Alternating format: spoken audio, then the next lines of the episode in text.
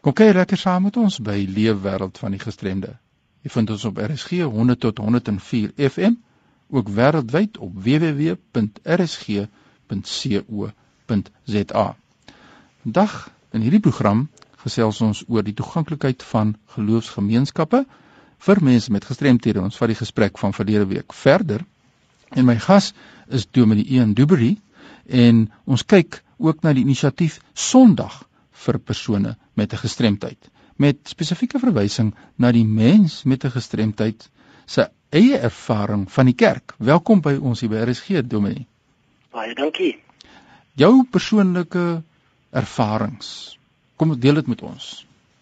Man om 'n kort agtergrond te gee, ek was in 2001 het ek in Engeland gewerk en daarso het my groot tone begin doodgaan. En so het dit opbeweeg in my bene en ek het teruggekom Suid-Afrika toe en ek is gediagnoseer met 'n klomp dinge en behandel vir 'n klomp dinge. En so het die jare maar aangegaan en ek het maar altyd gedink dit is maar die die ding waarmee hulle my gediagnoseer het. En die pyne het al hoe meer geraak die intervalle al hoe korter en op die ou einde is ek in 2007 terug na 'n dokter toe. En hulle het my toe met nog ander dinge gediagnoseer En op die ou einde van die dag het ek toe nou is in 'n spasiese parapleeg of ek het toe nou 'n spasiese parapleeg geword.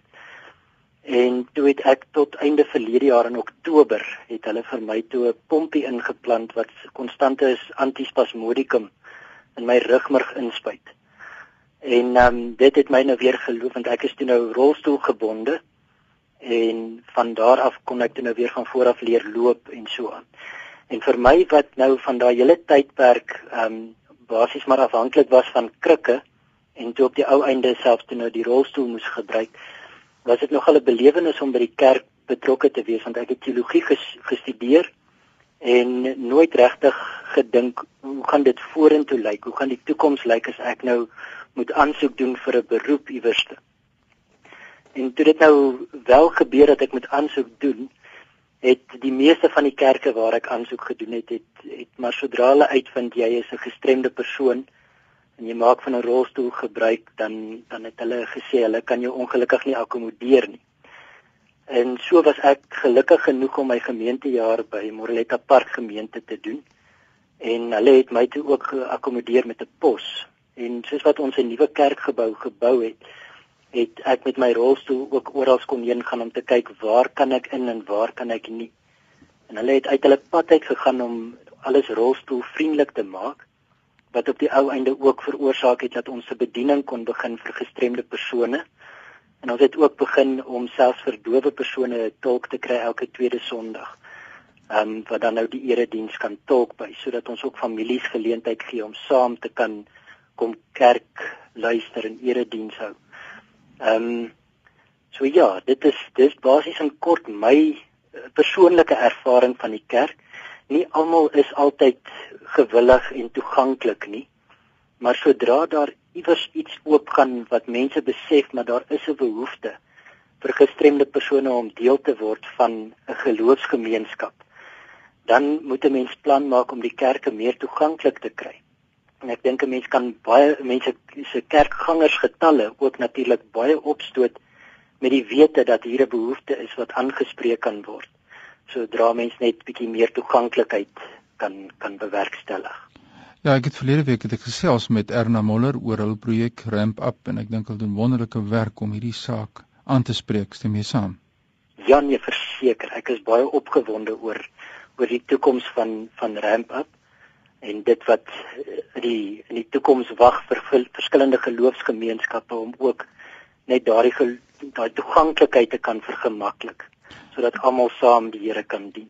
Ja, as ons dan nou kan saamvat, sê vir ons wat wil jy sien moet gebeur in die kerk as 'n mens met 'n gestremdheid wat jy nou beleef het ten opsigte van ons mense met gestremthede. Wel, soos wat ek ook nou reeds gesê het, daar is so 'n klomp pers persone daar buite wat met gestremthede gekonfronteer word. Verskillende tipe gestremthede. Ehm um, en ek dink hulle het so 'n groot behoefte, want net soos ek self ook maar 'n behoefte gehad het om in die kerk te kan ehm um, deel wees van 'n geloofsgemeenskap en nie eenkant verstoot te voel en voel maar jy's nêrens welkom nie. En ek dink as 'n mens die persentasie van gestremde persone daar buite vat wat kan deel raak en aktief betrokke kan raak in geloofsgemeenskappe tot op die mate wat hulle gestremdheid hulle toelaat, dink ek kan ons regtig as 'n geloofsgemeenskap net soveel beter funksioneer. Ehm um, so daar moet 'n plek wees vir elkeen om die Here te kan dien en aktief betrokke te kan wees en hulle geloofslewe te kan uitleef. Ja, ons mense met gestremdhede is so afhanklik van ons geloofslewe en is so 'n mm. anker vir ons as gestremdes. So dis baie belangrik wat jy nou sê, ek kan dit regtig waar onderskryf. Sê net vir my, uh, wat dink jy kan kerke doen rondom bewusmaking, weet die sensitiwiteit as jy nou sien in die bediening en ensovoorts. Wat is jou voorstel? Ek dink die eerste plek wat kerke moet doen om bewusmaking te skep is onder andere om spesiale Sondae te hou, soos die Sondag vir persone met gestremthede ja. of gestremdheid. Um, om net persone met gestremthede te betrek by as dit nou is die erediens om 'n getuienisgeleentheid te gee. Um om die mense te wat met gestremthede gekonfronteer is by die deure te kan sit en deel van die gasvryheidspan te maak wat mense kan verwelkom. Ek dink dit is ook 'n manier wat 'n mens op 'n sagte wyse vir die in in aanhalingstekens normale mense bietjie blootstelling kan gee aan persone met gestremdhede sodat hulle meer op hulle gemak met mekaar kan of met mekaar kan nader. Ek dink ook gestremdes het natuurlik ook 'n verantwoordelikheid om die ander mense in te lig oor hoe hulle hanteer moet of wil word Ehm um, want ek dink dit hang ook maar van ons af en ek dink ons speel 'n groot rol in hoe mense ons interpreteer om ons te benader en so aan. As jy uh, nie toeganklik is vir ander nie, dan dan gaan hulle jou nie sommer nader nie. Ja, nee. Ehm um, so as ons vir die mense kan inlig oor hoe om ons te hanteer, dan gaan ons groter suksesse kan bereik. En een van dit is dan nou om bewusmaking te kan skep dat daar wel 'n behoefte is vir persone met gestremthede om wel in 'n geloofsgemeenskap te kan dien.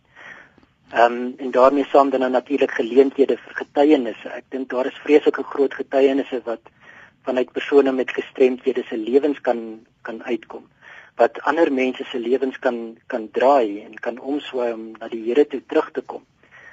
Ehm um, 'n ander manier wat ek dink mense nogal met bewusmaking ook ehm um, kan doen is om natuurlik die media te gebruik soos oor die radio en ook oor TV um, om DVD-opnames te maak en te versprei. Um, ons het hier by ons gemeente ook omgee groepe begin vir persone met gestremthede waar ons mekaar ook kan dien. Ehm um, en ons gaan ook uit na instansies toe waar by die, die kerk betrokke is en ons gaan dien ook by hierdie verskillende instansies. Ons woon ook nogal gereeld kampe by ehm um, wat deur organisasies aangebied word vir persone met gestremdhede. En hierdie kampe is vir enige vorm van gestremdheid en dit is absoluut fantasties wat daar gebeur.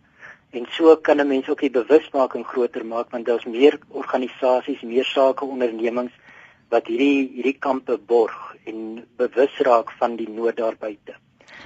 Ja, die luisteraars met 'n pen en papier byderhand hou want ek gesels met Dominee Ian Dubery en hy is daar van Pretoria en ons hoor nou al hierdie inisiatiewe en jy gaan vir ons aan die einde van die program die kontakbesonderhede van julle deurgee sodat jy ons kan kan kers opsteek daar by julle hoe om die ding te doen. Kom ons moet amper begin saamvat. Wat is jou boodskap aan die kerke? Jy's nou teoloog self, jy's dominee. Wat sê jy vir kerke? Nou vir my is dit ons almal funksioneer as die liggaam van Christus en daarom moet ons as 'n eenheid funksioneer. Ehm um, elke een het sy doel en sy plek, net so ook is dit so vir persone met gestremdhede. Ehm um, die kerk sal ek graag wil sien moet inklusief lewe en nie eksklusief nie. Ehm um, gemeentelede van alle alle tipes, alle forme van gestremdhede ehm um, moet op 'n manier geakkommodeer kan word. So as my ek my boodskap aan kerke moet gee sal dit wees om as eenheid te funksioneer as liggaam van Christus. En nie gestremdes? Nie gestremdes het moet hoor om 'n bietjie meer um, ontvanklik te wees vir mense wat anders te lyk. Um, maar hulle moet ook besef dat ons wat gestremde persone is, het net soveel reg op die lewe Ons het ook dieselfde emosies, dieselfde drome, teleurstellings en ons soek ook maar net aanvaarding, omgee, liefde en um, by wie anders begin dit as by my onmiddellike familie en my geloofsfamilie. So die wat nie gestremd is nie, moet my raak sien vir wie ek is, nie hoe ek lyk nie. Hulle moenie deur my of verby my kyk nie, maar vir my kyk en vriendelik wees.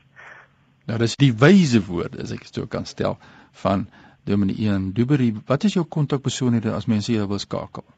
Hulle kan vir Anne-Marie Steenkamp skakel by 012 997 8112 of hulle kan my um, e-pos by ian@moreleta a.co.za.